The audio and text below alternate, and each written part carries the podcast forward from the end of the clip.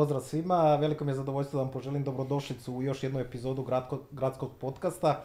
Serijal u Oktagonu, imamo zaista fantastične goste i ovog puta. Prvo bih najavio pionira borilačkih sportova u našoj zemlji i predsjednika Kickbox Saveza Srbije, Miodraga Miću Jotića.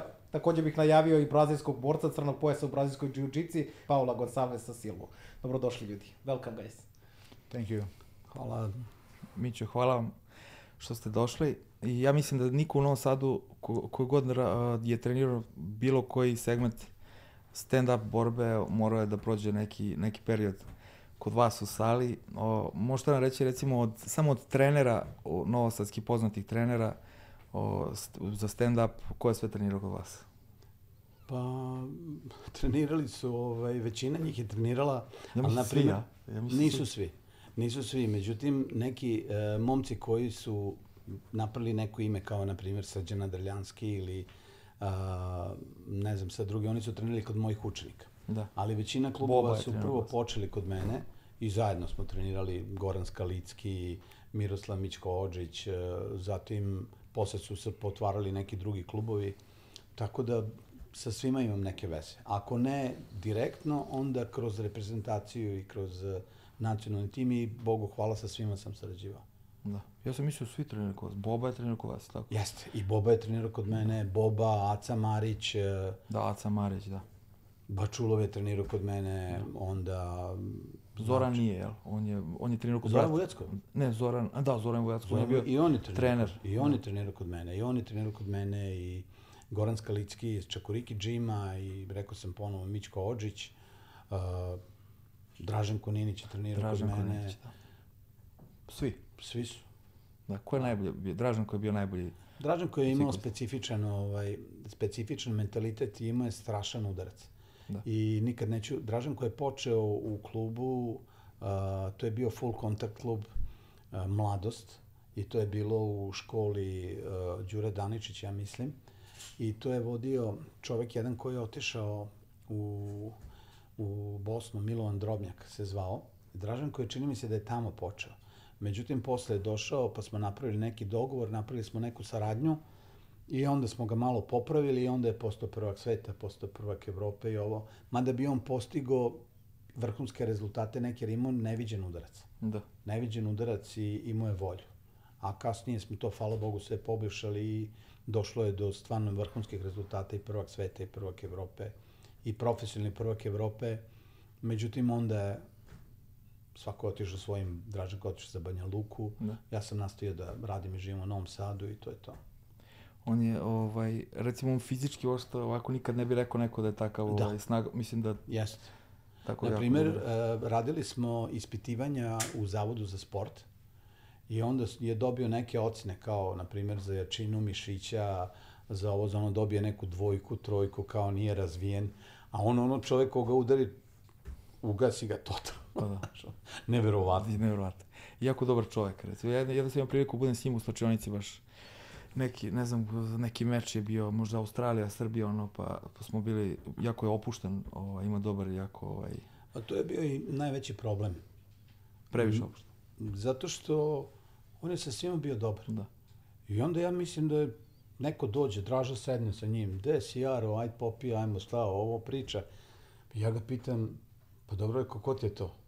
Pa kaže, ne znam. Pa, pa kako rekao, ne znaš? Pa kao, eto, došao, javio se, pa oni sedem malo popiju, ali hoću da kažem, meni je to bio problem kad je počeo da radi meč, jer ja hoću da drži fokus na borbi, na ovo.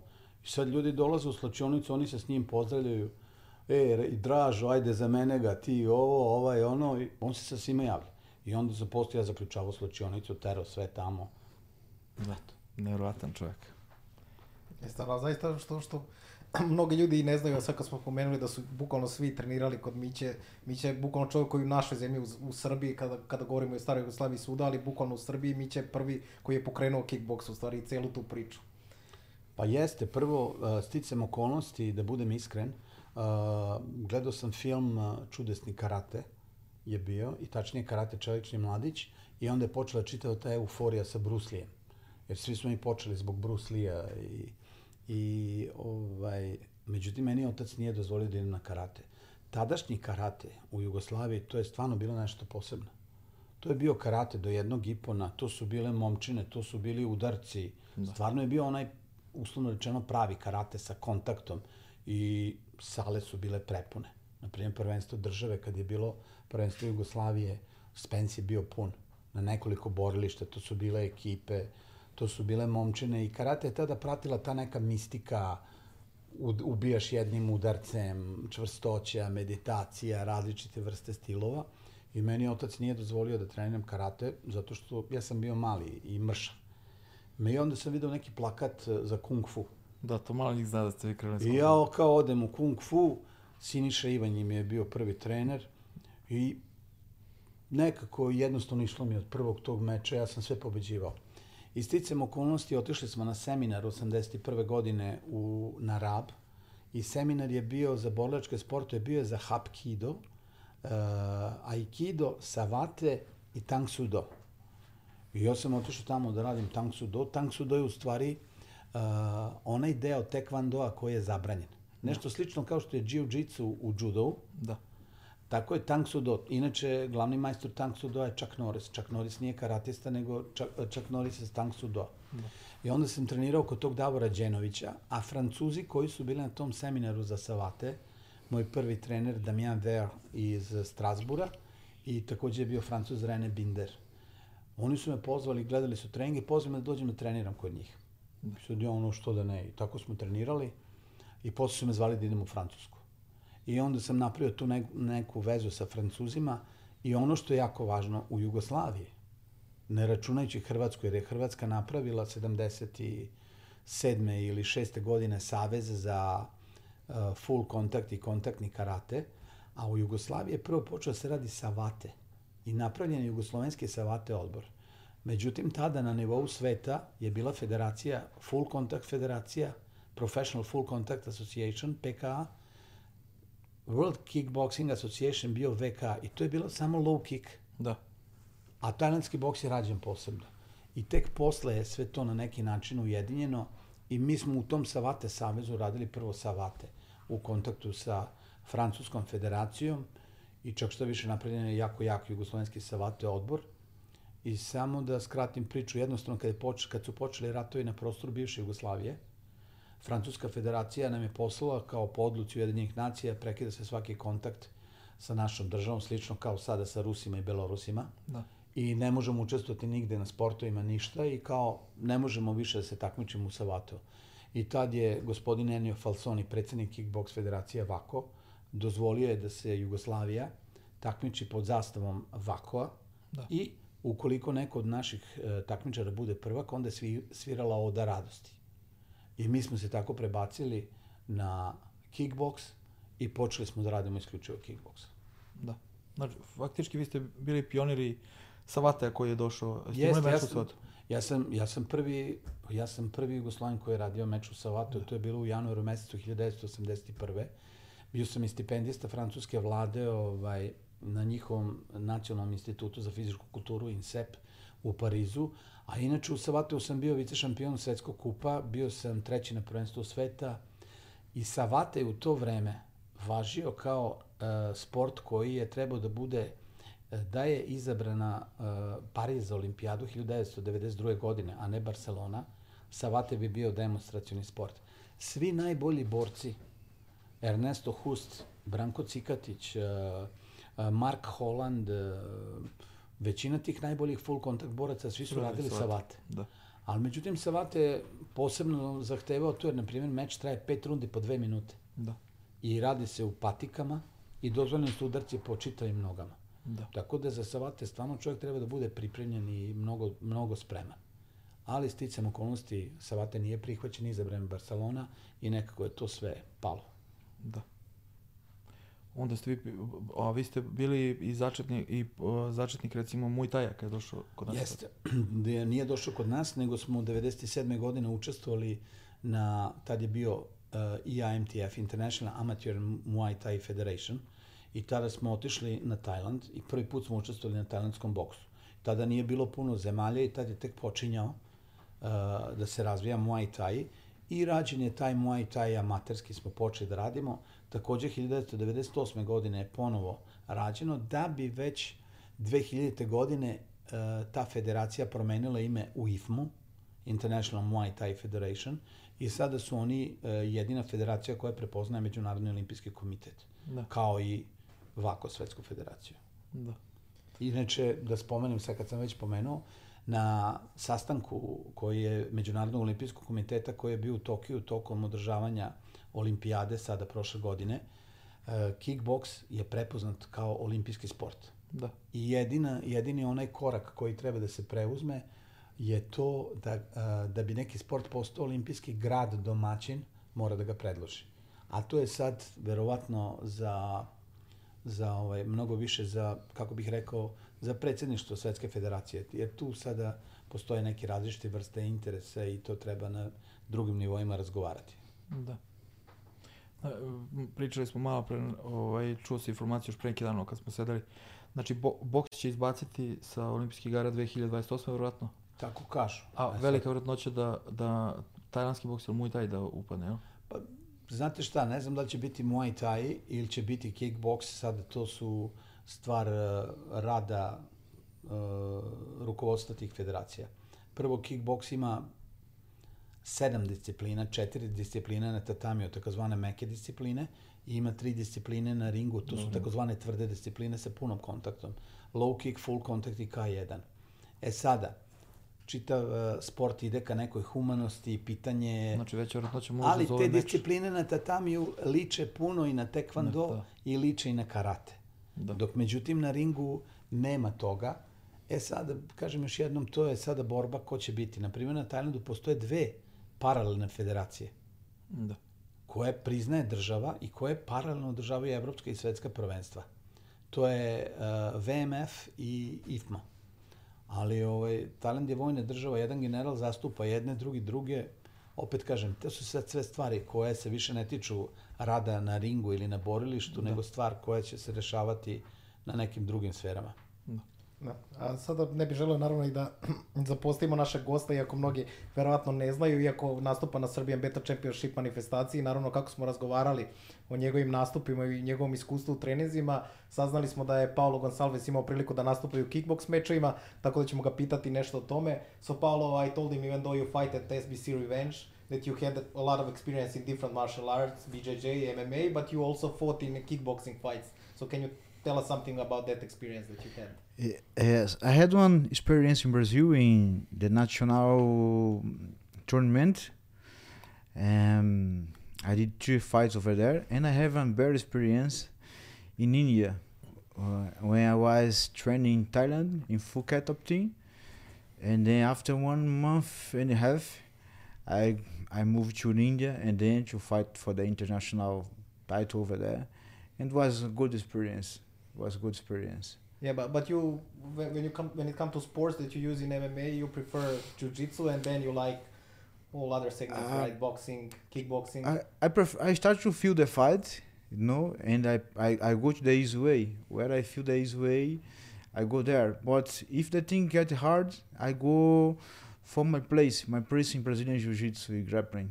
So uh, it's my first my first martial arts. And so if the thing get uh, wrong, I go to there. Jiu-Jitsu always save Yeah. yeah, yeah, and don't forgive. yeah. Always, if you make a mistake, you're gonna pay. yes. Let's fight it. Yes, this will work for me. The guy try to take it down. Yes, okay. And then okay, goodbye. Give him the victory and give the money and let's work for the rematch. Do you have some good results in in jiu-jitsu? Um, Did you compete in? n- not too much because um, uh, since my blue belt, Yeah. I start to to fighting. MMA, yeah. because too much the rules I uh, I I I didn't in Brazilian Jiu-Jitsu don't have punch, no kick, so I I feel like I was missing something. Yeah. And and then I had an invitation for training Vale Tudo, and then I enjoyed there. And then had something like Muay Thai and Jiu-Jitsu. Muay Thai, Jiu-Jitsu not fight, it's man, man. I say, okay, let's let's see it, let's check it. And then I start to enjoy because yeah, it has punch kicks. You know, you can bring more. It's it's more more real. Yeah. And then after that, I keep there and I don't back to competition Brazilian Jiu-Jitsu. but yes, it's already time for it because I wanna put more focus on on teach, you know, on to train my my students. I have guys in India, I have in in Chile, in South America. My coach is Silvio Bering, and he he always asks me. Silvio Bering is your Ye- coach. Yeah. Yes, He- I'm black belt from Silver Bering, and he always asks me, when you gonna put focus for for to make your guys, for to train your your students. And so, um, yesterday we had the um, um, video conference about this. No, it was fixing everything. So I already gonna put more focus for Brazilian Jiu-Jitsu for teach, and I want a competition also. I want to back to competition in gi and no gi. Yeah, I know that you have a lot of experience in a lot of uh, MMA uh, clubs in uh, Brazil. You train with Minotaur. Yes, in I, prime with Anderson Silva. Your one of your coaches, uh, Tata. Yeah. yes. Tata was my my first coach in, in, MMA, Yeah. and then I moved to training in in. It's so was Tinogueira and Black House together, no? Tinogueira Black House. and Yeah, I was there yeah. So seven years ago. Yeah, so I go to I go to visit to um, to visit uh, some friend in Exegene that was old Yeah. black house, and then the coach put me for make some sparring with Ronaldo Jacaré, and then after that Anderson Silva. You're not same size, Jacaré. Yes, no same size, and, and Jacaré is not soft, brother. He's not soft. It's not soft. um, and then after that, Anderson asked me, uh, "You want to enjoy us for for to help me on my fight camp against the Vita before?" And so I I, I, I watch Anderson fight since I was kid. No, it was not real to me, but I say, "Oh, okay, yes." And he say, "Okay, give your um, email address to that guy." The name the guy was Dandan, was his student. I give it to the guy, and then when I get to home at night, there was the ticket to go to Las Vegas. I say, oh, that's great. Then Anderson started to train me, so now I enjoy. Sometimes I bring some some things from from Anderson style, no, like some um, ring shoe thing, capoeira, Muay Thai, kickbox. Anderson is a That's really smart. Yes, yeah, this Yeah, man was here with us. But what I wanted to tell you, I mean, when, when you told us about all the names that you train with, it's also interesting that we had a chance to work with Tata. Tata was in Boyan, Boyan's corner when he fought Francis Ngannou in Chicago. Yeah. Tata was in our corner together with uh, Thiago Santos. He helped Yeah. you warm up and all that. Tata is really good at training, but corn is no good corn.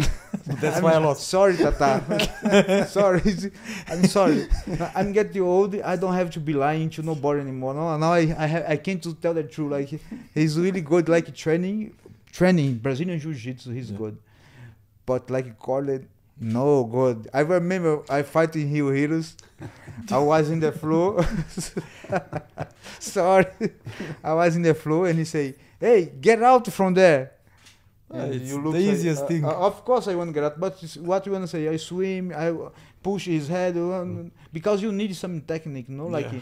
Rafael Feijão, f- if you go He's to simple. Just No, get up no, from if- there. Yes, if you go to the corner with Rafael Feijão, he look like he make you look like you fighting easy Yeah. because he they put your hand, he move, and you start to do, and the things work. Rafael Feijão. Yeah. That guy when he start to be a coach, wow, he he gonna make a lot of world champion. He's amazing like coach. We should bring him here to do some seminars in Serbia. Yeah, for sure you're gonna enjoy. This guy is really smart, bro. In everything, he's really smart, really really smart. I enjoy when I had him in the, my in my in my corner. Woo. and I had one time I was in I was in my corner. Rafael Feijão, um, Anderson Silva, Minotauro, Minotouro, and all that team was around. No, I, I was fighting in house in all KJ, so was was amazing. Did you want that fight? Yes. Uh, Guillotine choke. all, all the legends. E, I sada baš kad smo spomenuli uglove, Miće, koliko, je- koliko je zaista bitno imati dobrog trenera u uglu i da li je to presudno kada govorimo? Pa reći ću na engleskom da mi on razume. This is very important information that you gave us Mm. because uh, such kind of the person, uh, it's very good person to invite to keep the seminar somewhere uh, Yeah. and to teach other people because this is the right stuff what you need to do. Mm-hmm. And this is the right thing in uh, in that moment that you done the things what the fighter need, and uh, it's the same thing in a, in a kickboxing. You know, everyone knows to throw the towel, give the water, and and everything, but uh, to give a right reason and to give a right uh, thing what to do, this is the most important. Exactly. Uh, kao što kaže pesma, jedan poziv menja sve. Yes. Tako i ovde dovoljno je jedan mali savet i to radi. Da. Znači, samo kažeš levi direkt i on uradi levi direkt i pogodi. I to ti je to. Uh, fighter needs only to listen his corner. Mm. Okay, if he's good, he's doing his method. But he needs to listen the coach and uh, just tell and him to do this. He done and he win the fight. Agree? Yes, Yeah. 100%. And I want to say also, I, I had a chance, I've been in a kickboxing camp in uh, Brazil, and it was the national kickboxing camp, and all the good fighters were over there, including Alex Pereira, who the biggest star now. Uh, one of the biggest he's star. one of the biggest star right now, and he's going to fight one of the best fighters, Adesanya. Yeah. But you know, uh, kickboxing and uh, jiu-jitsu are complementary arts. What you don't have in kickboxing, you have in, in Brazilian jiu-jitsu, and uh, they need both things to fulfill and to uh, someone becomes a right fighter for the MMA because MMA surrounds all of these skills and everything. Yeah. Bruce Lee show it was no, he was the first one to train in MMA. Who? Bruce Lee. Bruce ah, Lee. Bruce Lee, yeah. Yes. Yeah, he no uh, armbar from in some. Yes. we could movies. he, he was the first man who addressed the concept of training Yeah. different martial arts and Mm. using what's useful useful from one Yeah. martial arts and another one and using it how it suits, suits you best. Uh, Listen, I, I need to say, uh, first of all, I I start to train because of Bruce Lee.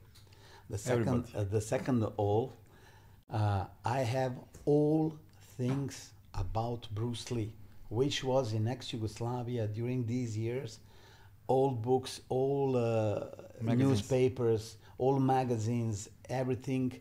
And I'm still now, I'm collecting book of the martial arts, all, and I have about 1,347 books. A lot of, of these books are e-books about the martial arts. But Bruce Lee was something really incredible. The first fight in uh, the beginning of the fight in uh, Dragon Nest, Enter the Dragon, it's MMA. Yeah.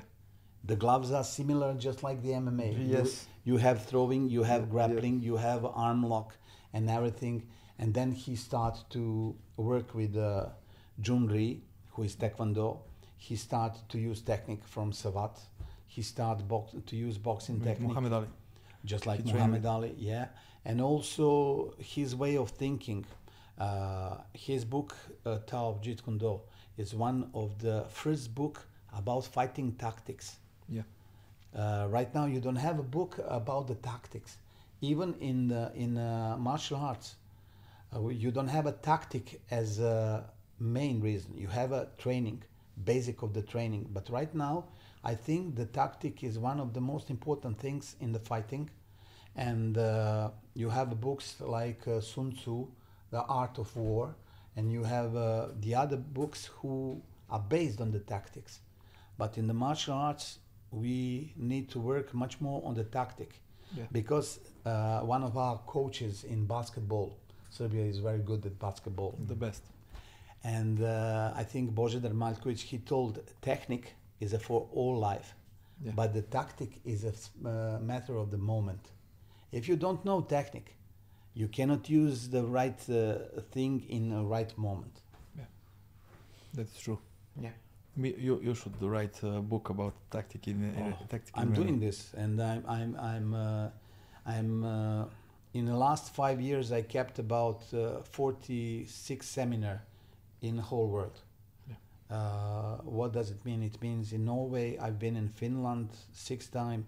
I've been uh, in uh, Bulgaria. I've been in Palestine, in Israel. I've been in Jordan. I've been in Italy, in France, in uh, Germany, in Hungary, and um uh, it's not everything in the ring. No. If you don't leave something behind you, it's going to pass. Uh, everything uh, is uh, uh, news on the Facebook. it's good for the three hours. The, the next uh, three hours, it's not interesting because someone saw it. Yeah. But when you write a book, when you write something and leave behind you, then it's going to be something. And uh, just like kickboxing, I think MMA must do much more to develop these the basic things about one sport and to have all of the things just like the other sports, just like the basketball, just like everything, history, technique, tactic, and everything, and to work about this and to create much bigger and stronger base to develop the sport. Americans do th- this way. They they uh, their philosophy of fighting is that uh, tactic is the most important. Yes. All Brazilians train the mo the most. Yeah, you you train uh, a lot Brazilian guys. Yes, yes. Three hour be- in morning, three hour at, at night. Yes. But Americans don't train that that's hard and that's uh, long time, but they uh, take care of uh, tactic a lot. Yeah. Bolje, uh, it's better to turn Yeah. back on Serbian. Yeah, we will turn it back on Serbian a little bit, you know, because of the viewers, but we will come back to you in English, so, so you know, brother. Moramo malo, malo da objasnimo i gledalcima na, na srpskom kada pričamo o određenim segmentima kako se ne bi skroz prebacili na drugi jezik. Evo sada prešli smo zaista neke zanimljive teme. Zanimljivo mi nisam znao da je Mića veliki obožavatelj Bruce Lee-a. I Nikola Ja je sam inače. veliki I ja sam isto, Bruce Lee-a. svi su. Smatram da je čovjek stvarno napravio revoluciju što se svega tiče. Čovjek koji je jednostavno upoznao svet sa borilačkim veštinama, našao način da ga prezentuje na najbolji mogući način i što kažemo, sam koncept MMA sporta je predstavio i u svojoj knjizi ta, Tao Jeet Kune Do. Da, neverovatno. Ne, ne samo taj koncept, nego i uopšte neki način borenja, način reagovanja, stvarno je... Fizička sprema, kako izgleda, dan danas nema, nema ljudi koji Jeste. tako izgledaju. Jeste, neverovatno, neverovatno, ali druga stvar, pa ste čovjek je umro pre 50 godina. Mi i dalje pričamo, Pričamo o o njemu. njemu, jeste. Deca znaju ko je on.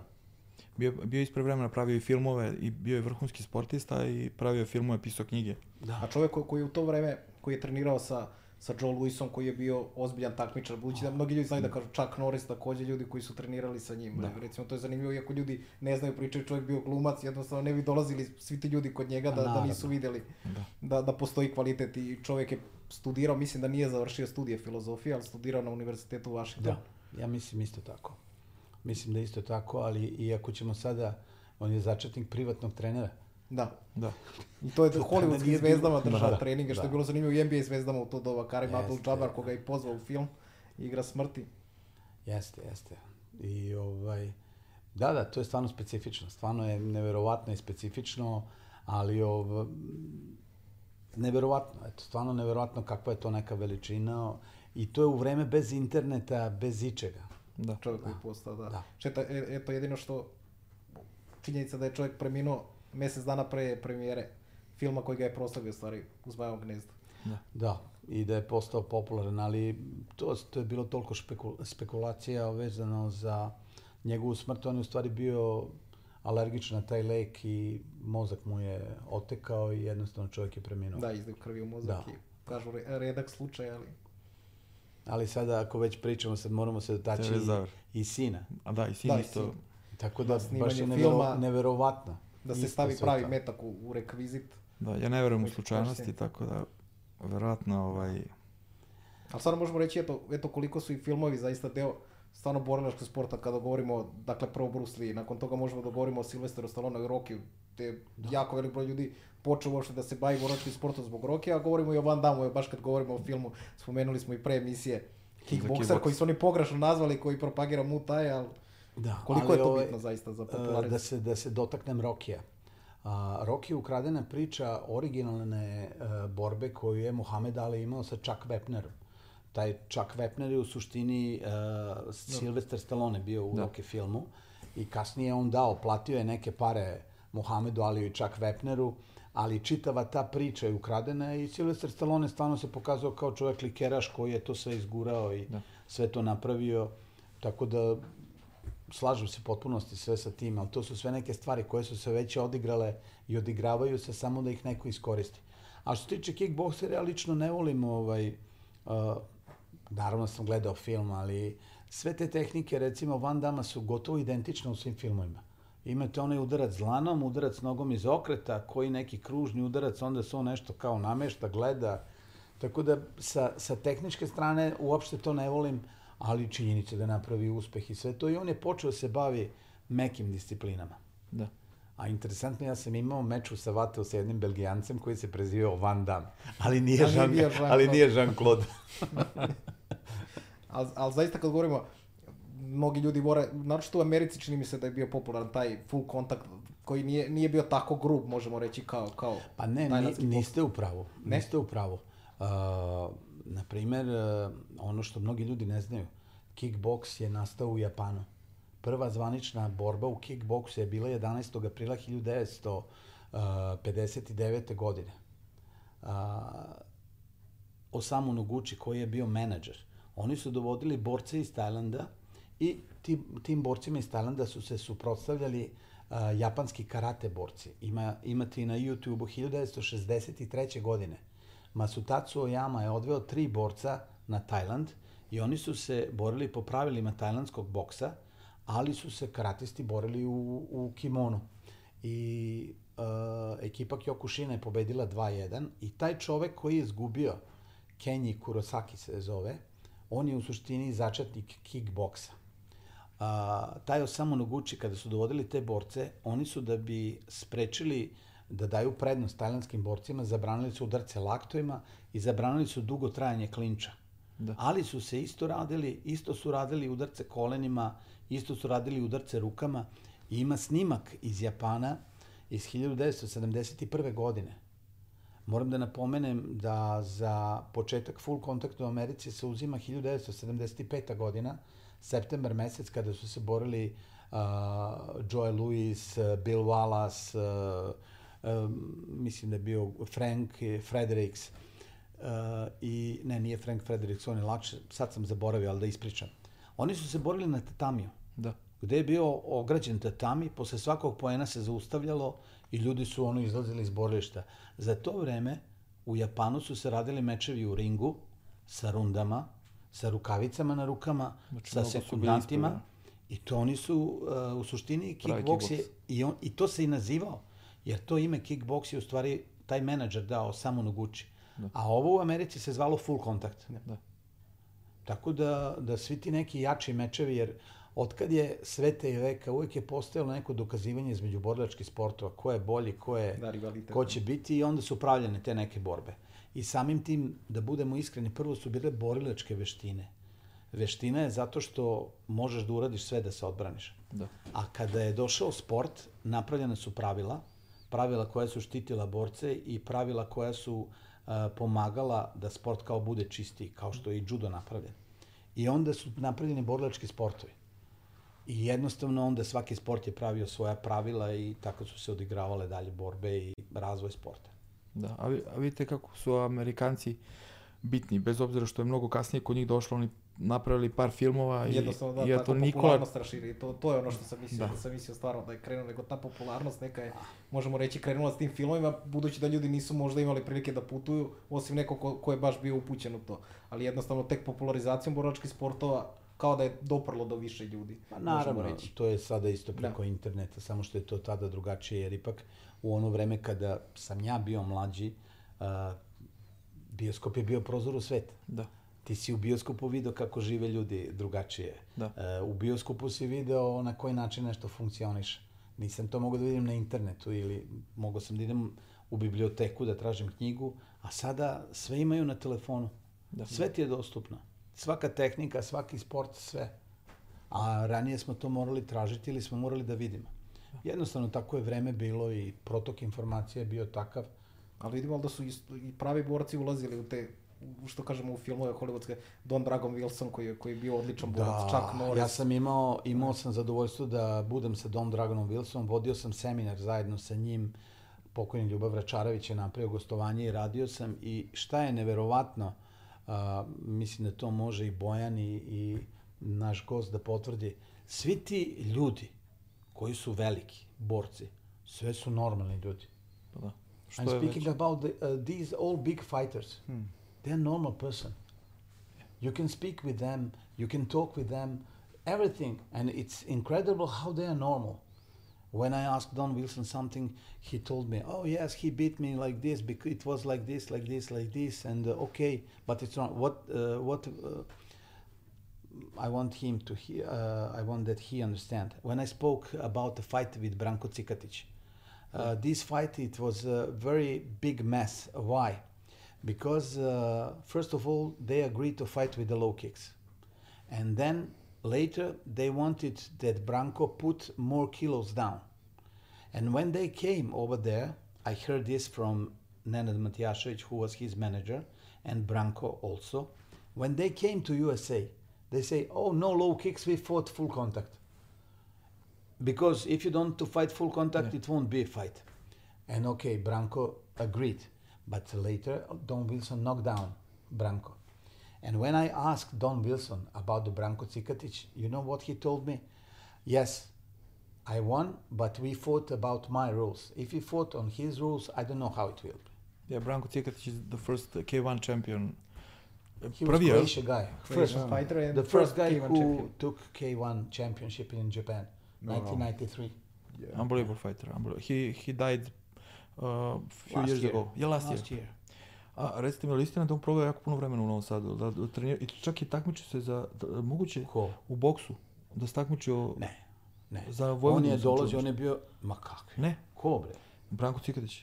Ma kakvi ne. Uh, on je dolazio tu kada, kada su bile pripreme Slobodana Kačara za svetsku titulu. Aha, on kao za sparing. čovek, čovek koji je odveo Branka Cikatića u Ameriku svojim privatnim avionom je na, e, Mike Nenad Matijašević, biznismen iz Beograda. Da. I ja sam imao priliku nekoliko puta da budem sa njim.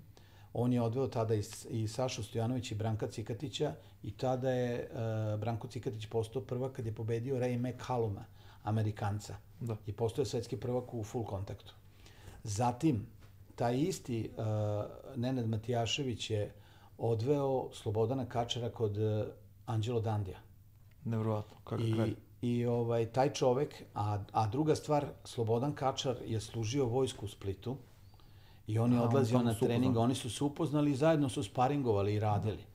I oni su trenirali zajedno i posle kada se kada se Slobodan Kačar spremao za meč sa Edi Mustafom Muhametom za svetsku IBF titulu u Pezaru, uh, Branko Cikatić je dolazio tu i sad Mislim, naravno sam ja bio tamo i trenirao sam i gledao sam, pokušavao sam nešto da uradim. Slobodan Kačar je radio 12 rundi sa svima Da. i onda je uzeo Branka Cikatića zadnje tri runde od 12. i 15. da ga napada i da se bori. A pre toga Branko se samo zagreo. Znači čuvao je snagu i te zadnje tri runde, a Branko je bio izuzetno žestok borac i izuzetan udarač i sve to. I onda je zadnje te tri runde radio. E sad još jedna isto stvar, a, na primjer porodica Kačar, pre svega Tadija koji je isto pomagao tada svom bratu Slobodanu da postane prvak sveta, a, u znak zahvalnosti prema Nenadu Matijaševiću, sin od Tadije Kačara se zove Nenad. Da, nevrovatno. Zato što je toliko pomogao čovek za sve bio to. profesionalni menadžer ili se usput time bavio? Pa on je više volio, on je bio neki biznis, on je bio hokejaš, ne Aha. znam čime se bavio i on je pokojni, nažalost, ali isto tako je voleo borilačke sportove i bili smo i u Banja Luci kada je Dražan Koninić uzeo ovaj, evropsku titulu, bili smo u Banja Luci zajedno, takođe bili smo na Kipru zajedno, kad je moj učenik Željko Gajić postao profesionalni prvak sveta u WK federaciji, tako da čovjek koji je stvarno ljubimac borilačkih sportova, pokojni Majk Nenad Matijašević. Ali je priča zanimljiva i upravo je to ta povezanost. I, na primjer, žena Slobodana Kačara iz Splita. Da. Ali nema nikakve veze, nego on je dolazio tu samo da priprema, da pomogne u pripremama Slobodana Kačara za tu svetsku titulu. A šta je bilo tog posebno kod, kod njega, kod Branka Cikatića? Šta je, u čemu je bio nokauter drugih? je bio. Aha, On je bio, on je bio nemilosrdan prema sebi na treningu. da. E sada, problem je kasnije bio, pošto je on pokušavao i druge ljude da natera da oni budu nemilosrdni prema sebi toliko koliko je A, on nije mogu kod trenera da Na primjer, Branko Cikatić kada je otišao u Holandiju kod Tom Harika u Čakuriki, a, njemu je jedan borac, Tekin Donmet se zove, koji je radio 60-63, pa on je slomio Branku rebro Da. na treningu. I vidite, da odeš ti bilo gde u neku stranu zemlju, ti moraš da se dokazuješ. Da.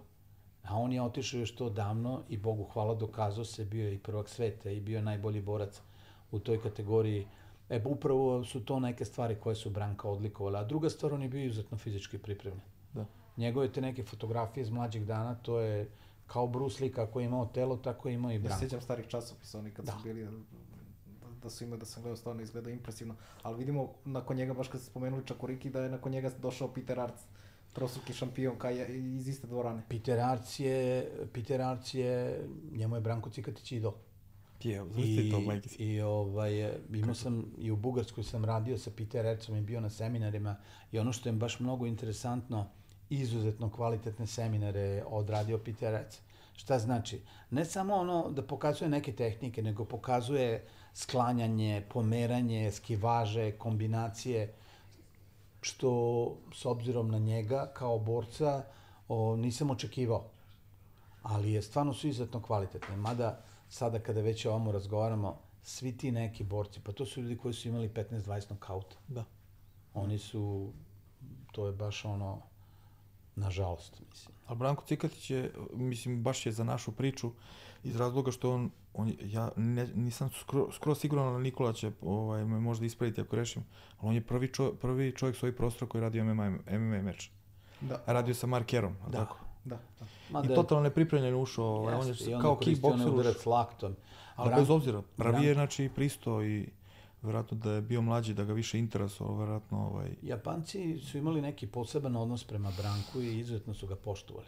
da. E sada ja ne mogu da ulazim, ne znam sad kako je taj meč odrađen i šta je i kako je sve to bilo i zašto je Branko to Ma pristao. kako god, to su bila ta vremena pre 100 da, godina. Ali, da, ali je prvi hteo, I to sa tim mutantom, ono, ADCC je šampion bio, šta je sve osvojio, marker kako je kao prvo izgledao i Da, koliko. tad je stvarno izgledao ovaj... Ovaj, a Japanci, znači, oni su veliki fanovi i Branka Cikatića, Jeste. a posle su bili i Mirka Filipovića i obojica su Pa tamo. i Mirko Filipović je, Mirka Filipović je Branko Cikatić odveo Da. na K1. Mirko Filipović je prvo nastupao kao Mirko Tigar. da, jer je, toga. Da, Branko, je, Branko je uzeo njega i ovaj čovek koji je ranije bio menadžer Mirko Filipoviću, uh, Lučić, Zvonimir, da. Zvonimir Lučić. On je bio radnik u obezbeđenju, oni su bili radnici u obezbeđenju od Branka Cikatića. Da. I onda je Zvonimir Lučić, oni su se odvojili i otvorili svoje. Ali kažem, a, Branko je zahtevao od ljudi, a, bio je specifičan kao čovek, bio je veliki sportista, ali zahtevao je da svi budu tako nemilosrdni kao što je on bio. Da. I verovatno to nije prolazilo kod nekih ljudi neke možda njegove metode ne mogu da tvrdim, ali ovaj, ti ljudi su otišli, posle našli su neku drugu priču i to je to. Da, mada čudno, kad smo, su, kad smo spomenuli Mirka, da, ovaj, da, mislim, nije čudno zašto su vjerojatno ob- obojica jake ličnosti pa nisu mogli zajedno, ali Mirko isto poznat kao ne, nemilosrdan ono, radnik. On je čak pričao i uživo, par puta smo slušali u nekim podcastima kako čak i posle mečeva koje je gubio prekidom, da je odmah, čim se vrati s puta, odmah ide na trening i to, mislim, nevjerojatan je taj čovjek. Ja sećam, i nikad nisam video bolje građano belog čovjeka nego recimo tih 90. godina prvi čovjek ono sa trbušnjacima, ono da se vidi iz kakve god da su svetla čudo Ali ljudi, od to je, sportiste. to je upravo to što te ljude čini drugačijima od drugih. Danas i- je izašao članak o Draženu Petroviću Da, sa njegovim spiskom treninga. da, I mislim da je ovaj naš uh, Đurović, trener, da je izjavio da je Dražen Petrović bio nemilostan, da je ustao ujutru rano, da je imao treninge. Ali to je upravo to što odvaja te ljude od, od svih jeste, od drugih. svih drugih jeste. I zato su oni takvi. Zato je takav i Mirko, zato je bio i Dražen, zato je bio i Branko Cikatić i to je ta razlika koja ih čini od drugih. Jeste. I, I to upravo je to što ih izdvaja. A to, to je baš ono što smo mi spominjali pre neku emisiju, da bukvalno ti ljudi, verujem bilo čime da su se bavili u životu, bilo kojim sportom, da, bili bi bi. vjerojatno bili najbolji, jer jednostavno imaju to, imaju, imaju to u sebi. Pa isto je Da. sada i sa Jokićem, ako ćemo... Da, da. Znači, to je upravo to. Zato, za, tako bi bilo i u nekom biznisu, tako bi bilo i u nečemu, jer to je vjerojatno ta neka crta lica koja ih izdvaja od Da. Đoković i Jokić, to su tako stvarno ti veliki Da. šampioni koji bi vjerojatno u svakoj oblasti bili uspješni. Ajmo st- da ne zapostavimo opet našeg brata Paula. Oh. I must ask you, why uh, you Brazilians call uh, kickboxing uh, shoot box? Do you do you call?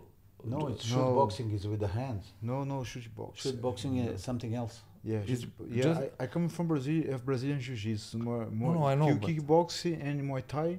I trained with uh, Francisco Azevedo. It was in Rio. He was he was a student of Master. Um, wow, I'm sorry, Master, but I forget his name. He's a big name. He's the first one who bring the the Muay Thai to Brazil. Um, uh, that's why my school. Uh, when I talk about shoot box, about the experience because shoot box is a big name, you know, in the world, in the martial arts world. Yeah, And academic shoot box. Yes, and how But how they training, it's it's it's crazy thing.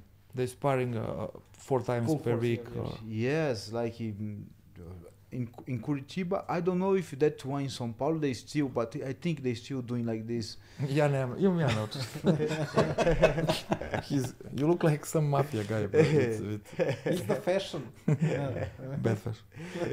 It's more easy for me like understand when you guys talking like he- so no Yeah. one see my eyes. Always pretending that he understands Serbian, so that, that's why he's very. But I, I thought that uh, you you call kickboxing shoot shoot box. No, it's No, different. It's shoot just, bo- uh, shoot box, academy. You just the Just name academy. the, the jeans, yeah, Okay. yes, yes. Uh, But. I hear a lot of times when someone is good in striking, they they oh your shoot boxing is very good, not your kickboxing is good. Yeah, I don't understand why they say shoot Really? boxing. Maybe a different country, no? Ah, no. maybe. Maybe, maybe, maybe no in Brazil. Maybe shooting like shooting, they Yeah. take it now. I don't know. Maybe, maybe. Maybe shooting and in boxing. I don't know. Yeah, it was in, in Holland. Shoot boxing is something different. Bas Rutten done this. Yeah. Ki- This is like a kickboxing, but, uh, But you you cannot hit with a, pu- a punch. Mm. You can hit only slap it With open Ah. hand, yeah. with Yeah, open it's, hand. it's completely different. Yeah, yeah, yeah. Than Yeah. Yeah, but what, what's interesting, like in MMA, especially like when we mentioned shootbox, I mean that's famous academy and and the guys that fought and that came from shootbox, like uh, Wanderlei Silva, Mauricio Shogun, Anderson Silva, Anderson they dominated MMA for, Yes. for a decade or some more more than that. I mean, Yeah, they was number one in the, in the world for many many years. Yeah, but you know, you see, many of this guy they don't keep too much good, and after they have something, they have some problem because you know if you if you if you sparring like two two times for days, taking punch, taking. Um, Yeah. soccer kick in the head, like you don't gonna become normal because you know our, our, our mind is our, our brain is something you really you know we Yeah. have to be careful. yeah, what you mentioned, like somebody knocks somebody out and he comes back and continue the sparring. Yeah, is no, totally- look, the, the history, no, I, the history in the shooting box, I, I didn't went there. I never went there, but we know about because I train with the Anderson. You know different guys, and you listen about when they knock out someone, they put some water in their face, he slap in their face, wake up again. again. Yeah, You know, it's- like it's, uh, it's supposed to stop and take a break, see how the guy is. Yeah, if he can go on next week or next month, okay. But on the same time, you don't know what's going over there. How you gonna do this? Yeah. We we saw so many fighters they die because they fight, Yeah. get a knocked out. They don't know they have some problem, but they gonna fight next week, and then they have some problem die. So in the training it can happen also, because the training is more hard than Yeah. the fight. When you fight, you fight in big gloves or gloves. When you mm. train, you know it's more time. In more time, you make with different guys. yeah. No, you have one fight, you make a camp, you add you add one in the middle, you put it two, three, four, fresh, you tired. So like it's more danger. Yeah. So, if you How- don't take care, Tell me please, how good is uh, Anderson Silva? On, on in his prime when you train with him, I I, I, I believe he's still really good. you know, no, he's really, really good right now too because he does boxing fights. But how good was he in his prime? I never saw no board like this guy. Really? And, uh, yeah, he's he's really special. On training, nobody nobody beat him on training. Nobody. Look, everybody, everybody sorry because uh, you can put heavyweights. I don't wanna say names, Yeah. but you can put heavyweights, the same thing for fights. Then the guys who wanna, the guys who hate him because wanna fight for the title, but in his prime they don't have a chance. Yeah. No, hate him. Even the guys from the team, because he's he's really amazing. He's special. On the ground, on the ground, how good is his jiu-jitsu? You don't need Look- to. Look, I I, gon- I don't wanna say name, but I I went sparring some guy. This guy, the guy, this guy has an image for the the people side like he's a good guy, and the answer is mad guy. and it's total different. Yeah. Okay, I just gonna say name of he and so forget the, the other guy, because he always was nice with me, crazy but nice with me, but he don't realize his size and his power. He he sparring with a lightweight like like sparring with a heavyweight. Mm. Anderson never do it. Anderson know what he have, and so he's and so he's a, a, a guy's really really conscient. Yeah, he's polite with Yeah. featherweights. Ye- With Yeah, yes, yes. He doesn't So- want to hurt nobody. Yeah. So I was making a video for this guy because he had a fight in UFC, and I had a fight in four days after. So this guy take me down. I take his back. I he up. I take his neck like he head neck choke. But I realized no, it's it's it's a video for him. You know, like in I'm light, it's not gonna look nice. So I, I let the guy out. When I leave, the guy showed me an elbow my face and he opened my face. I just stop and look to the guy. Anderson was making his boxing the other, in the other side. We was we went in the cage. Anderson was in, went in the octagon, in the um, ring. Yeah. And then he tried coming uh, down, and the boxing coach Adelson holding him. And then I get out, and then Eric Silva come in. That guy was sparring with me and cut my face, give a spinning back in Eric Silva. Eric Silva was making some noise really, really loud. Anderson get mad again when I come. Yeah. The boxing coach holding him. So he re- revenge you, Yeah. right? Yeah, no me, but because Anderson, Yeah, because Anderson he don't was- like that's not because me He or was because angry. he don't like that Yeah, kind yeah, of thing. because of Don't like that kind of behavior. Yeah, because gym, you yeah. just training like you, Yeah. you don't be crazy like this. So next weekend, there had a sparring. They put Anderson Silva and that guy. That guy was five-time world champion in Brazilian Jiu-Jitsu. Yeah. Anderson take this guy down. He, he went in the half guard and just touching his face with the, the elbow. Anderson take this guy out. Look like the guy was training with the cat because he was. Anderson don't wanna open his face, Yeah. but Anderson wanna show like he, hey, I, I can. So he's the top level on, yes, on the he- ground even too. Brazilian Jiu-Jitsu, Bra- in he's amazing. Also, I know man. that he's black belt. For MMA, his Jiu-Jitsu is amazing. Also, Yeah. he's good. He's really, really good. That's why he submit Shelson. You He remember submits Chelson. his yeah. fit fight? He don't wanna knock out Shelson because Shelson talk too much about the His jiu-jitsu. About Yeah. Rodrigo Nogueira, about his black belt, Yeah. you know. And Minotauro was a guy who give the chance for Anderson to change his life. Yeah. Because I don't know if you guys know, but Anderson was about to give up about MMA. He, Really? Yes, He went about to go like a clean car. Yeah. Oh. And uh, when Minotauro realized it, and Minotauro went from Brazilian top team, it was really, really, mm, they was really against the uh, bo- um, shoot boxing. Yeah. Yeah, But yeah. he saw the guy is good. Then he talked with him and say, "How much you gonna make for month?" Anderson say, "Yeah, that that kind of money." He say, "Okay, I gave that money to you, and I gave an apartment. You just you must have to train, and that's it."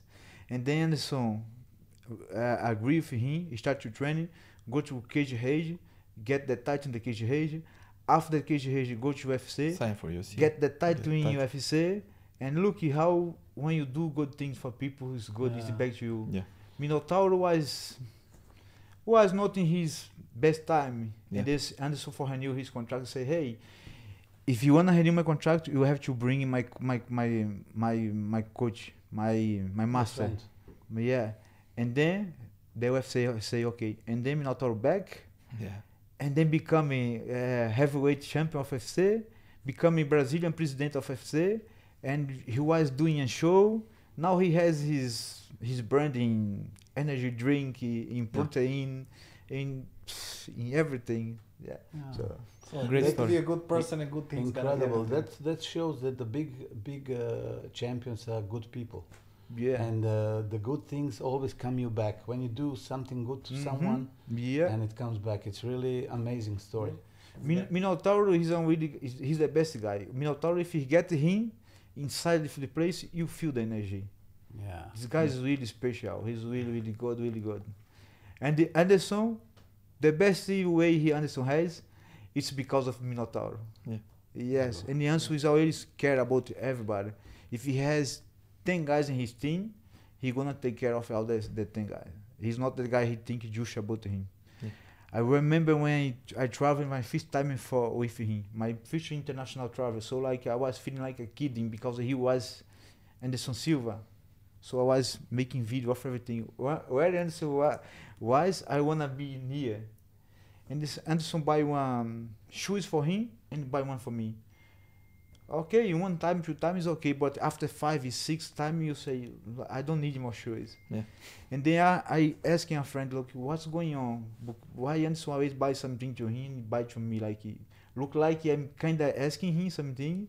The guy say no, no, get away from him because he always when he buy, he think about the other guys. If you are near, he think you need something, he gonna buy to you. Yeah. He always think about everybody about that. thing. He always do this. Great nice story. guy. Crazy. He's yeah. amazing guy. The best guy. F- number one, Minotauro. Number two, Anderson Silva. Ah, great. Good story. Also, brother, we, we're gonna come back to Serbia a little bit more. I want to say one Ah, thing. I, I remember my ex competitor, female, uh, Brankica Ćosić, Branka. She worked as a coach in Paranao, in Brazil. Paraná, yeah. And she left about 2000, 20 years ago. Uh, and she worked as a coach of kickboxing and she's living of that in Brazil, Yeah. in Paranao. Yeah. Yeah. The be- the be- I think the best keep Muay Thai. Now yes, São Paulo in Rio is uh, but in Curitiba, yeah, Paraná was Curitiba, yeah. was like the number one starting the Muay Thai, grow up the Muay Thai. But uh, I met in uh, one more thing on, on English. I met uh, Duda Jankovic in uh, Rio Yes. Dude, in gym. Jankovic i Branka Ćosić, oni su, uh, they went together after the World Championship 2000 in uh, Jesolo. Mm. They went together to Brazil, and Duda Jankovic went on to boxing, and she tried to do boxing. She was more extrovert, Duda, and Branka is, you know, uh, keep close. Yeah. And uh, Branka stay in Paranao. She works as a kickboxing coach, and she's still doing it. And uh, Duda went to the boxing, and she had a one great injury, I think. Ja moram se vratim, moram na srpskom pričati o tome zašto neću ni da razume ovaj, naš brat, ali moram da ispričam jednu smešnu situaciju o, kako sam upoznao Dudu Janković. Mi, mi ot, ot, otišao sam ovaj, kod Minotaura da treniram, odveo me, prvo trenirao sam kod Delarive i neki džuđicar kaže, jel voliš MMA? Ja kažem da, ovaj, volim kao že to vodim kod Minotaura. Jer ako ću ga upoznati, on kao upoznaćeš ga i on me odvede kod Minotaura u džim. I sad ja tamo radio, zaboravio sad imena, ono, malo sam umoran, ne mogu se setiti s kim sam sve radio, uglavnom, i, i odmor je sad između uh, MMA treninga i, i grapplinga. I ja rekao, aj kad sam već, pošto sam se vozio 40 minuta taksijem i od Copacabana do tamo. I, ovaj, i ja sad završio MMA, čekam ovaj grappling i sad gledam neki trening u kimonu. I ovaj, sad bio sam s nekim Srbima ovaj, tamo i kaže ovaj jedan što je bio sa mnom, ovaj, kao lepa devojka, ta neka prošla oko pored nas. Ja kažem, to je, ovaj, to je muško, ja kažem, pošto tamo, ja kažem, još ja kažem kao travlo, znaš što je travlo. I, I ovaj, ona se okrene i pogleda me. I ja rekom šta ono nije razumela šta ono nema. A vidim onako radi, gruba je jako ono. I ovaj, i kaže meni prolazi neki mali, možda i on bio. Ovaj, i kaže kao, e kao odakle ste? Ja rekao iz Srbije. Kaže, stvarno, ova devojka iz Srbije. A pazi, sletiš, letiš 12 sati do Rije, onda od Rije se voziš od Rije, u stvari sa Copacabane, se voziš 40 minuta taksijem. I ovaj, ja rekao, ej, sad glupo, moram ja da se obratim, ono, pošto sam je uvredio, ono, čula, ovako bi razdelja kod mene do, kod mene do vas. Ja rekao, ej, izvini, ovaj, ovaj, odakle si, znaš? Ka, ne, ne, ja rekao, ej, izvini, ovaj, jesi ti iz Srbije? A ona se okrene prema meni onako, ovaj, ozbiljno, kaže, jesi ti iz Hrvatske? Ja rekao, ja rekao, nisam. Ja rekao, izvini, znaš, može se slikao? Ona kao, može, i mi slikao. I onda se malo družila s nama, kaže, ona je tamo radila kao trener za, za ove ljude, ne znam, se sakate neke. posebnim potrebama. Posebnim potrebama, da. Ovaj, baš je radila kao trener u tom džimu. I, a, I kasnije sam je gledao na nekom eventu, radila je meč i ono, cijela hala se digla, izgubila je, ra- radila su ono malo... Radila je, da, Vivian- to sam gledao, bio strašan meč, Ja a nije trebao da izgubi. Ne, ne, ova je ubila je ova, znači non bila je Mountu, ubila je batina. O, A, u, Vivian... ja sam u boksu gledao, Ne, izvini. ne, u MMA. Ali ono, navijali ljudi za nju, ono, ja isto, ono, e, Vidi, ona je Pa atraktivna se- bila i uvek Da, onako i lepo držanje i... i ona je iz Jagodine, jel? Ona je, ja mislim da jeste iz Jagodine. A ona se udala za, e, te godine, sad se zaboravio, za nekog svetskog šampiona u žici. Pa se valjda razvela od njega i posle slučajno sretnem nekog lika, neki trener od Andresu Sila, isto je poznat, sad ne mogu se kako zove. trener od Andres Sila za, za kondiciju, neki jako, jako poznat čovjek se zaboravio. I on mi kaže, ja sam kao bio ožen za Srpkinju. Ja kažem, koju Srpkinju? Kaže, ovaj Dudu Janković. Ne znam za to, znam da je radila neki boks meč, ona je u boksu nastupala. Da, ona je bila neki... I onda je imala neku povredu, mislim, da li, da li je ovaj, nešto, neka ozbiljnija povreda je bilo, pa ne znam da je, ja sam čuo da je neko pomogao njoj tada, ne znam, stvarno nemam, nemam više... Ali čudno je tamo da smo se upoznali. A da, pa to Ja je, rekao- svet je mali. Kako se da što kaže, bukvalno sve, svet je mali. Ali evo sad baš kad smo spominjali te, te načine treninga, Mićo, šta vi mislite o tome u, u, u jakim sparizima? Da li treba trenirati uvek jako kao što rade u toj Chutbox akademiji koju smo spominjali, imali su uspeh, ali što kaže Paulo, ostavlja posledice takav vid treninga. Treba trenirati jako, ali ovo, što je Paolo rekao, moraju biti velike rukavice, moraju biti dupli, e, dupla zaštita, štitnici za kolena, svaka vrsta štitnika, kaciga na glavi ob, obavezno, jer e, koliko se čuvaš, toliko ćeš trajati. To je, prošlo su one sulude, ono, ono vreme kad su ljudi kao šta, nije mi ništa, mo, nek me šuta, neka udara. To je prošlo. Da. Danas su tehnike vidljivije, danas tehnike se lakše usvajaju, ljudi lakše dolaze do nekih tehnika i uh, većina ljudi sada veoma lako mogu da savladaju te osnove. Druga stvar, zašto, zašto da te neko udara, zašto da imaš neke modrice? Što bi se oštio? Znači, treba stavljati maksimalno zašto. Rukavice od 20 unci, 18-20 unci, ne ove male za MMA ili 10 unci. To ono ljudi, 10 unci pa mu je za sparing. Ima 120 kila, sparinguje u 10 unci. Da. Znači, maksimalna e, zaštita i druga stvar, fizička priprema je važna. Danas je to već sve dostiglo jedan mnogo veći nivo, ali onoliko koliko se paziš, toliko traješ. A naravno treba da budu, i zna se u kom periodu treba da budu jaki sparinzi. Znači, postoji vreme kada se rade jaki sparinzi, baš upravo ovo što je on pričao, ali ne bez, bez kacige, sa malim rukavicama, no protection ili ovo, to je, go, to je gotovo. Znači, maksimalna zaštita, I'm speaking about the sparring, maximal protection, Yep. uh, big gloves, uh, Mhm. good protection Yeah. for the knees, for the elbows, everywhere, Yeah. and you are going to last much more. And Anderson's a guy when he training look like he's a robot because you see Okay. protecting everywhere. For he don't hurt himself and don't hurt nobody. Yes. He's always Full- full shoes, professional. everything. And now the coaches look like this.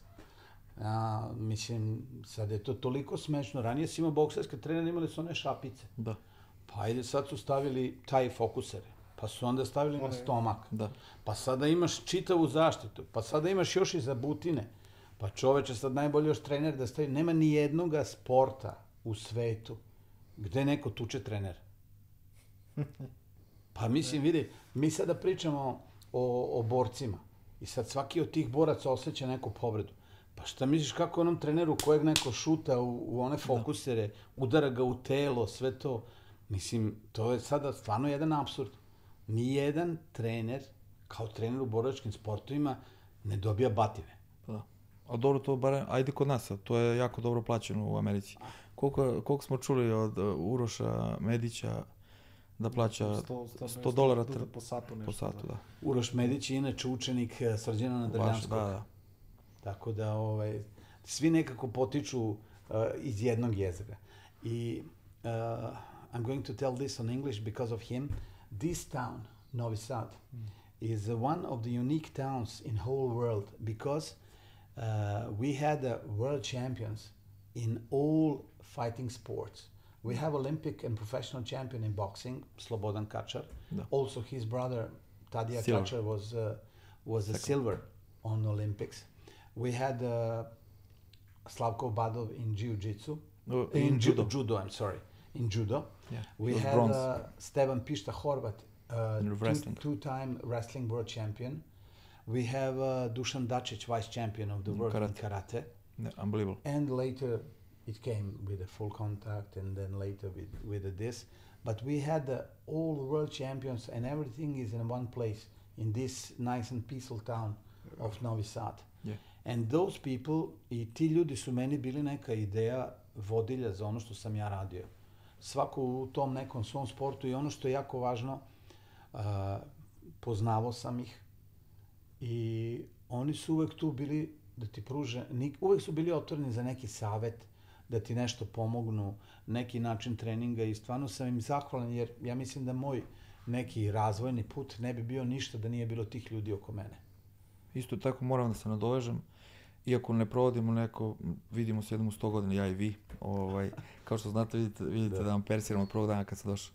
Mnogi stvari sam od vas naučio, znači ja, ja sam prvi klub gde sam otišao za striking je kod vas na Novom naselju kad ste držali, tad je Zoki Vojackov bio Jest. pomoćni trener, uh, vi ste bili glavni, on je bio pomoćni, onda ovaj uh, Teva, Steva, Teva koji sad ovaj Boba je tad trenirao, Jest. koga sam ja još tad vidio u Sarajevu. Bačulov je bio. Nije on tad bio. Bio je ovaj Marić, on je tad bio možda najbolji, sećam se ja. Aca Marić, da, i dolazio je povremeno, je dolazio ovaj, Draženko u tom periodu. Draženko je bio, da. To je bio taj period, ne znam zašto ovaj nije bio, ali ovaj, to je to. Nema tu što da kažem. Ne, možda nešto nisam puno naučio od, od udaranja, ali sećam se kad sam dolazio meče koje, koje ste vi organizovali. Ovaj, I to sam, i tu sam mnoge stvari naučio od vas. Ovaj, sećam se kad stojite nekom uglu, bukvalno vaši borci su bili kao ono u igrici, ono, kako šta kažete. Da. A kasnije sam baš bio ponosan kad neko kaže recimo da Stefan sluša mene tako ili ne znam Peđa Nemanja ovaj. Tako da ono, pa to, to je valjda... Su, meni je pre svega, prvo se zahvaljujem na tim rečima, ali mislim da je to upravo poenta nas koji smo prošli nešto. Da možeš drugim ljudima da pružiš nešto što će on naučiti. Jer e, mislim da ljudi kada završe, vidi, a, ne mogu ja da budem kao oni treneri iz filmova, sad imam 80 godina, sad ću ja da sve tučem ili ne znam nija šta. Druga stvar, i ne želim to da radim. Ali osnovna je stvar da to iskustvo koje smo skupili, da, da. mogu nekom da dam. I da neko može to da uzme i, i te neke stvari su, mnogo je lepo to čuti, ali mislim da je upravo to poenta trenera, zato i treneri sluša. Jeste. I... Jer samo tako ćemo razvijati sport i sa nekom saradnjom i sa svim tim posebnim nekim specifičnostima, ali upravo je ta stvar koja može podići naš sport i, i da imamo jedno uzemno poštovanje. Neko radi ovo, neko radi ono, međutim mora postojati neko poštovanje između nas uh, borilačkih sportova i to je to. Mada sada kada već ovako pričamo, a, recimo u Srbiji borilački sportovi zauzimaju a, jednu izuzetnu poziciju. Osnovne olimpijske medalje osvojila devojka iz Tekvandoa. Da. O karateu ne treba pričati jer karate je stvarno bio vrhunski nekada. Sad je druga neka federacija, ima i sada vrhunski rezultati. Moram, moram da kažem, baš sam razgovarao sa gospodinom Atanasovim i sa trenerom Roksandom Atanasu, koja je trener od Jovane Preković u karateu, koja je postala i olimpijski, dvostruki svetski i evropski prvak u karateu. I devojka, kad je čovjek sretne, vidi da je devojka u treningu, da je devojka fit. Čita taj njen put do osvajanja olimpijske medalje je tako studiozno napravljen, planski. I to je tako lepo napravljeno da to stvarno čovjek ne može da se ne divi. Jer to je čitav jedan projekat kako je napravljeno. I nama trebaju takvi neki ljudi od kojih mi možemo naučiti i pratiti taj neki put. Sutradan će doći neki borci iz MMA, doći neki borci iz boksa, iz nekih drugih sportova. I upravo je zato važno da imamo neko uzemno poštovanje i da koristimo svoje te neke, svoje ta neka iskustva da bi pomogli drugome, a da podignemo svoj sport. Yes. I još nešto moram da kažem. Sećam se, ne znam kada je bio sparing utorak ili sreda. Da. Ja sećam, mislim, vi znate, sparing ali ste vi isto. Niste yes. radili... Da. I ovaj, mi će bio mnogo nezgodan kad dođe ovaj, na red i sećam se, Duće je tad bio aktijan, moj, moj drugar i njega da, spominje da, da. drugi put. Duće je par puta, ovaj, malo krene jače rukama, pa ga mi će izduva ono, neki spinning back kick i nešto. Ono. Tako pa da, dobro, tako je bilo. Da, meni, ja sam bio loš ovaj, jako tada, pa ne. mene štedeo Pa dobro vidi, ja sam bio takmičar i trudio sam se, ali mislim, ja sam bio prisutan kad je Branko Cikatić ovaj, svoje te momke nemilosrdno. Baš ovaj na Baš kad je bio trening, eh, kad da. trener, kad je prestao da se takmiči. Ne, ne, ne, ne, ne. A on se kad je bio takmičar. A. Ja sam, na primjer, išao na more u Split samo da bi mogu da idem na treninge da. kod Branka Cikatića. Da, to treba slušaju mladi ovi klinci. Da. Ja sam specijalno isplanirao, tačnije nisam čak ni bio u Splitu, nego sam bio, mislim da sam bio pored Splita na nekom mestu slagaću i onda sam išao autobusom na treninge u Split i onda sam se vraćao kao u to mesto. I to je bio jedini način, jer ja sam upravo gledao te neke šampione i recimo i u kickboksu i u savateu i kad sam išao na te treninge i u Parizu i svuda, ti gledaš šta ti drugi ljudi rade, ti nisi to mogo, isto kao i ti kada si išao u Brazil. Da. Ti gledaš šta on radi na treningu, kako funkcioniše, kako vodi trening, gledaš kakve su vežbe i to moram da napomenem, ovaj, to je tada, toliko sam bio začuđen, Branko je bio nemilosrdan. Da. On čovek nije ne video te ljude, ajmo ti, hop, dum, on padne, ajmo ti, hop, bum, ajmo ti, bum, i svi leže dole. Ono kao u filmu. Pa da. Tako da, ovaj, Ne, ali stvarno imaju, kada gledamo sad Hrvatsku, stvarno imaju, pogotovo u teškoj kategoriji, kada govorimo Branko Cikatić, Mirko Filipović, možemo reći Mirko da je stvarno bio možda i najbolji u onom momentu kad je pobedio Marka Hanta dve, 2002. Znači tada je Mark Hunt bio zvanično K1 šampion i Mirko ga je pobedio, sad Plazibat stvarno imaju ovaj u teškoj kategoriji vrhunski Lazibat, ja mislim da je bio ubedljivo najbolji kad je bilo svetsko prvenstvo u Beogradu u kickboksu.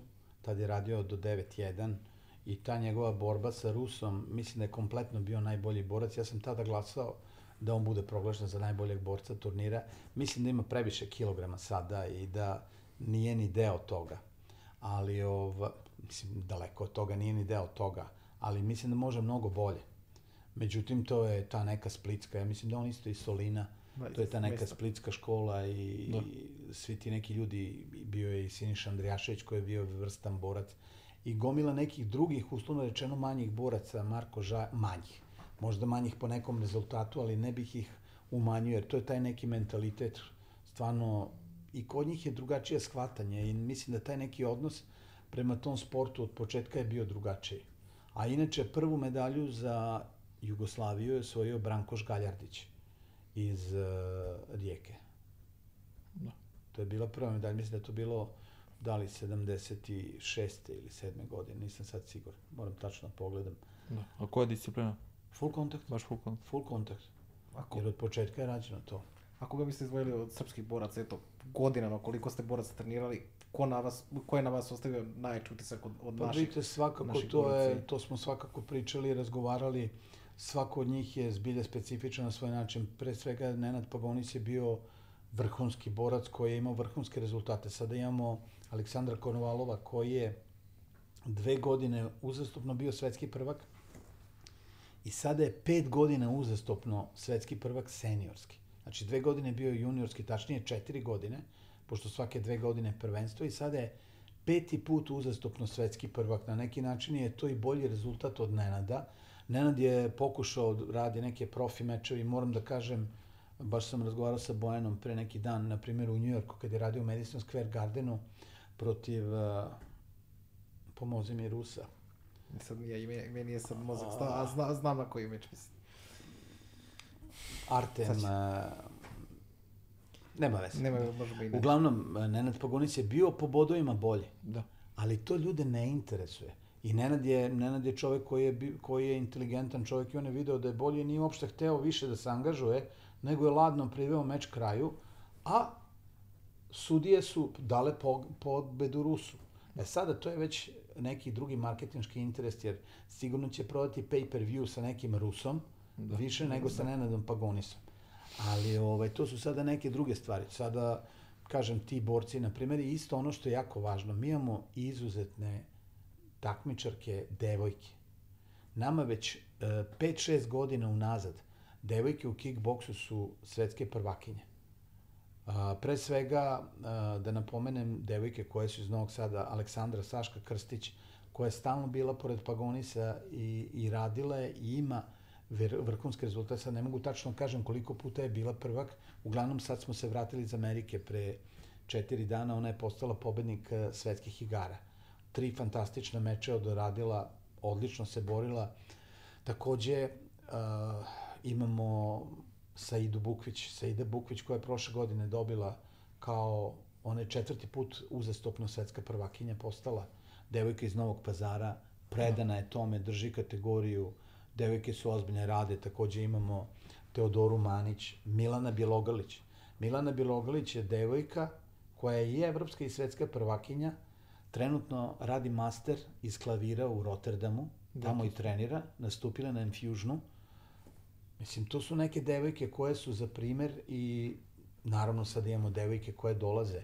Moram, moram da kažem, u zadnje dve godine izuzetno je porastao kvalitet kickboksa I na našim prvenstvima, sada se prvenstvo održavaju dva dana na dva ringa. Na svakom takmičenju imamo preko 200 i nešto boraca. I ja očekujem ove godine kada se bude održalo još ovo poslednje takmičenje u kick lightu, koje je uvek najbrojnija disciplina. Kick light radi se na tatamiju Da, najmanje i batine. pipkanje kao. A, ja očekujem oko hiljadu boraca će izaći na kickboks takmičenje ove godine, što je stvarno velika stvar. Šteta jako za ovaj ženski MMA što žene nisu toliko zainteresovane ovaj kao za kickboks ovaj iz MMA. Što je mnogo lakše da uspe se u ženskom MMA nego u muškom. Ali moram da kažem, to je sve počelo polako. Da. Znači, i mi smo počeli sa dve, tri devojke, četiri, pet, pa ih nema, pa ovamo. Međutim, sam taj rad i sama ta popularnost sporta i mnogo, mnogo širi, širi uh, mnogo veći broj klubova, mnogo opširniji način fizičke pripreme, sve straniji, sve obuhvatniji, dovodi do toga da devojke postaju zainteresovanije za kickboks. A druga stvar, uh, mogućnost skidanja kilograma i regulisanja telesne težine pruža o, veoma... Motiviše njima. Motiviše ih, a kada rade kickboks i rukama i nogama i plus različite vrste treninga, onda to... Ali hoću da kažem da važno je početi, ne može jednom da bude veliki broj. Ali mnogo je bolje za recimo žena koja ima 3-0 kao welter ili lightweight borac koji ima 11-0, 12-0. Toliko, toliko lakše tu ženu gurnuti negde u jaču organizaciju nego muškarca, kažemo 10-0. Ali promenit ćemo valjda to. Paulo, what, what would you say? Like, how popular is female MMA in Brazil? Like, is there like quite a number of female competitors in MMA? How popular is it? Um, you, you talk about the ladies? Yeah, yeah, but the ladies, because now we mentioned it, and I Mm. wanted to ask you how how is the situation in Brazil? Yeah, Cyborg is the number one for the people there. The people enjoy Cyborg. Still enjoy a lot of cy- Cyborg.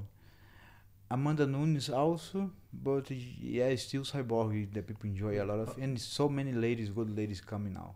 Yeah, because they, I mean, they, they want to be like Cyborg or like Amanda. yes, yes, yes. Be- e- even because the market now is open, open more for the ladies, no? Like, and sometimes the the the fighters, the most experienced, they fight like he. They don't don't they don't approve not the ladies. Uh, they feel they will- they want to approve so they put more energy.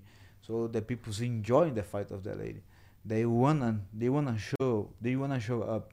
So it make it the the younger ladies wanna do it also. So now it's coming a lot of.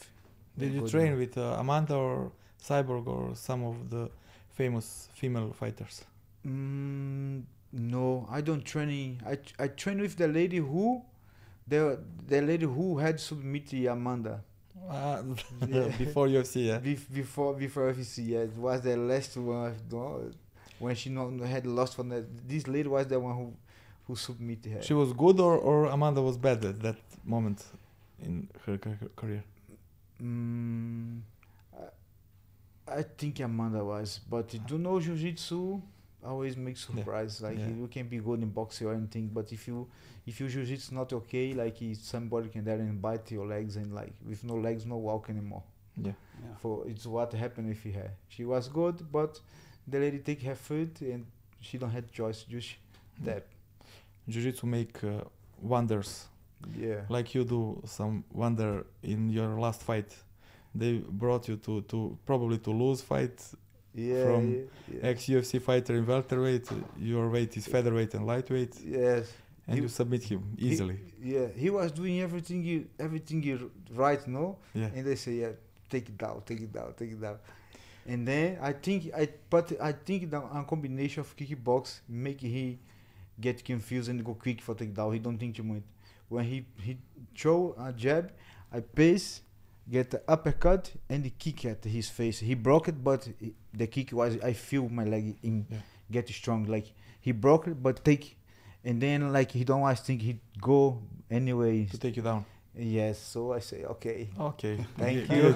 okay, that's what I waited When I for. hook his his neck, I yes, say yes, I am on. Yeah, And then, this yes. is this is jiu-jitsu.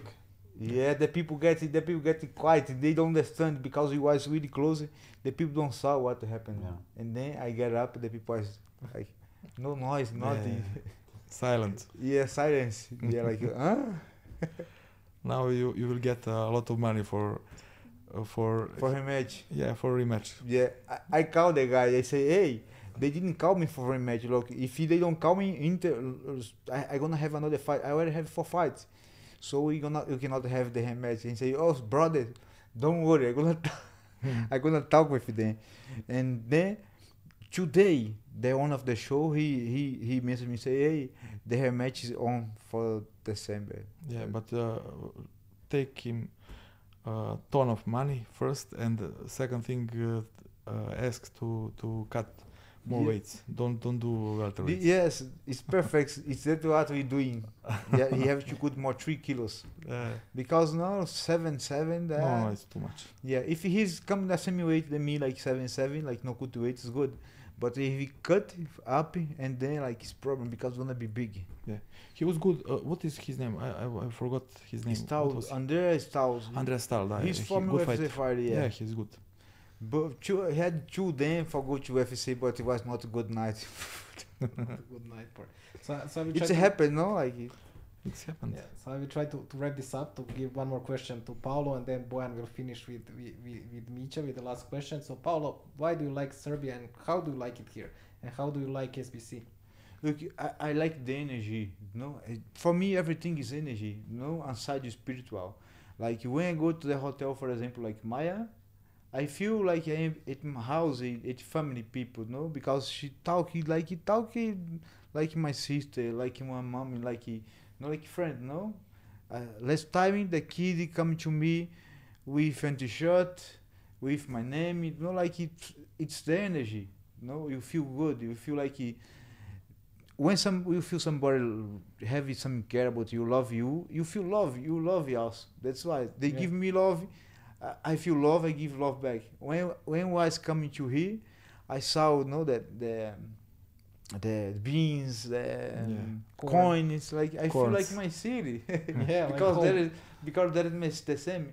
E- Even the the weather now is look like in Rio de Janeiro. Yeah. 42 Yeah. degrees. Yeah, the, we- the weather now is something I don't enjoy in Serbia, but Yeah. everything, the food, is wow, the food is Last time we were here, there, there was snowing, right? In, in, Yeah, I enjoy more like that yeah. because I always hot in Brazil, so like my life is always in hot, like cold a little bit now. So we already decided you're gonna become Serbian. You're gonna stay here. yeah, of course, I'm gonna be Serbian. yeah. I like Paolo because he like uh, my born city, my Ojaci. He spend a lot of time uh, in times there. Yeah, I don't like I don't like big big town. Yeah, my I town don't- is perfect. I don't like big town. Like The I- best town on, I born in. Rio de Janeiro, but I I don't feel my heart don't belong to Rio de Janeiro. Uh, Rio de Janeiro is beautiful, it's an amazing city, but my heart don't belong. So when I go to Sapé, my my parents' cities, I say yeah, I belong here. No, like he, I feel like I, the, the the city chose me and I chose the city. Like I, when I walk in the city, like he, I try walking, the people like say, hey, let's go, come here, like because they think, eh, you know, like I need some hide. Like, no, I want to enjoy, but I enjoy with them because I feel like they want to give you something from. They be happy you should be with me. Like, so it's the same thing. They give love, you feel love, you give love back. Yeah. Yeah, it, it, that's all about love. No, you should punch and kicks on the face all the time. Yeah. Thank you because of that. Because you like love my country, love my city, my No, thank, thank you, bro. Thank you. here. Even because SBC, uh, uh, SBC, you know, for the first time I saw my my son in German because I went like in more than one year, no shows, no fight in Brazil, like no money for coming, everything was hard. And then ah, the SBC give me the fight, give me the, the chance I come here and I listen my boy saying Papa for the first time. Yeah, it was my pleasure, bro. Nice. Thank you It so was much. my pleasure. Miću, sad sam, sad me raznežio, sad sam zaboravio, imao sam na pameti nešto što sam, ovaj, Ajde. ništa, nešto sam teo, ovaj, imao sam neka dva pitanja, teo sam da odjelim sa dva. Ne mogu sad se setim šta sad, sad me Sad uništio. Paolo udario na emociju i Da, sad da. smo ovaj... Znači nisam nešto emotivan. Ovaj, da, znam, setio sam se posljednjeg što hoću da vas pitam. Mo, može i to, pa ću setiti ovog. Hoću da se javno u stvari zahvalim što da vas pitam.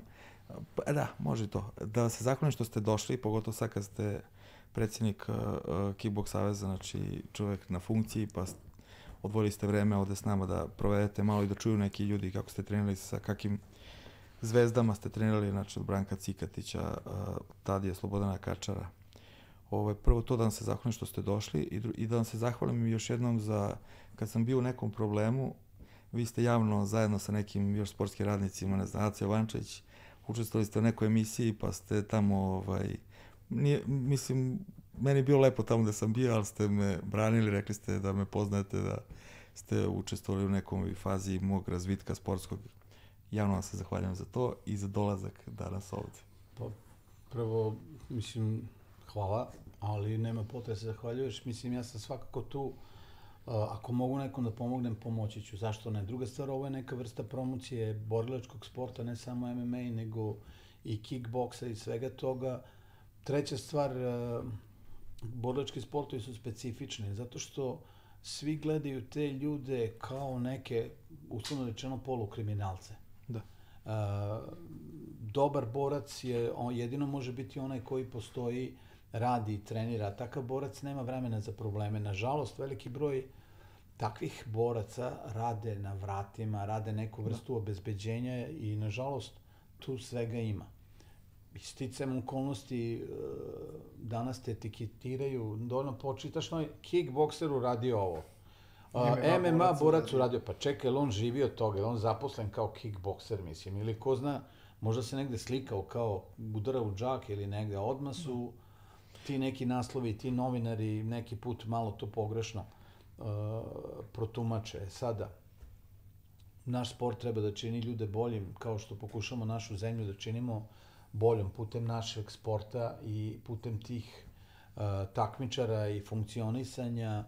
Inače, ja sam to već rekao, ne samo sada, ja to uvijek govorim, uh, kada sam bio na SBC takmičenju, uh, ja sam, ja sa 44 godine bavim borilačkim sportovima. Ja sam 78. godine počeo da treniram i mogu reći da sam svuda bio. Nisam jedin u Africi, nisam bio. Uh, ja nisam video bolju organizaciju od te to kako je to organizovano i napravljeno i kako sve to funkcioniše, ja sam stvarno prezadovoljan što to neko radi na takav način i na takav način se prezentuje sport i na takav način se prezentuje pre svega i naš grad, naša zemlja, jer mi prvo, u redu je to što mi predstavljamo našu zemlju, ali mi predstavljamo naš grad, predstavljamo naše okruženje, predstavljamo našu porodicu i onim što mi to bolje uradimo, bit će bolje za nas sve. I ja želim da to bude Novi Sad, jer pre svega je to moj grad, ali se ja osjećam kao Srbin, građanin Srbije, to sam i od uvek bio i to je samim tim što radimo takve stvari najbolje, mi prezentujemo najbolje naš grad. I bilo bi lepo da svaki drugi sportista pokušava i napravi to na takav način. Hvala vam puno. Još pa, jednom. Da, da završimo onda i, i u tom stilu. Zaista hvala vam puno. Veliko nam je zadovoljstvo bilo. Mislim da je vreme zaista brzo proletelo. Nadamo se da ćemo imati priliku ponovo da vas ugostimo. Paolo, thank you for, for being here. I hope we, we're gonna have a chance to welcome you once again here after the fights and everything. So hvala ljudi. Thank you. Thank you once again. Thank you so much. Thank you, you guys. I hope to become back his, uh, again. Thank you, Paolo, for your suggestion and for your thoughts and everything. Thank you, coach. Thank you so much. Hvala ljudi. Hvala. hvala.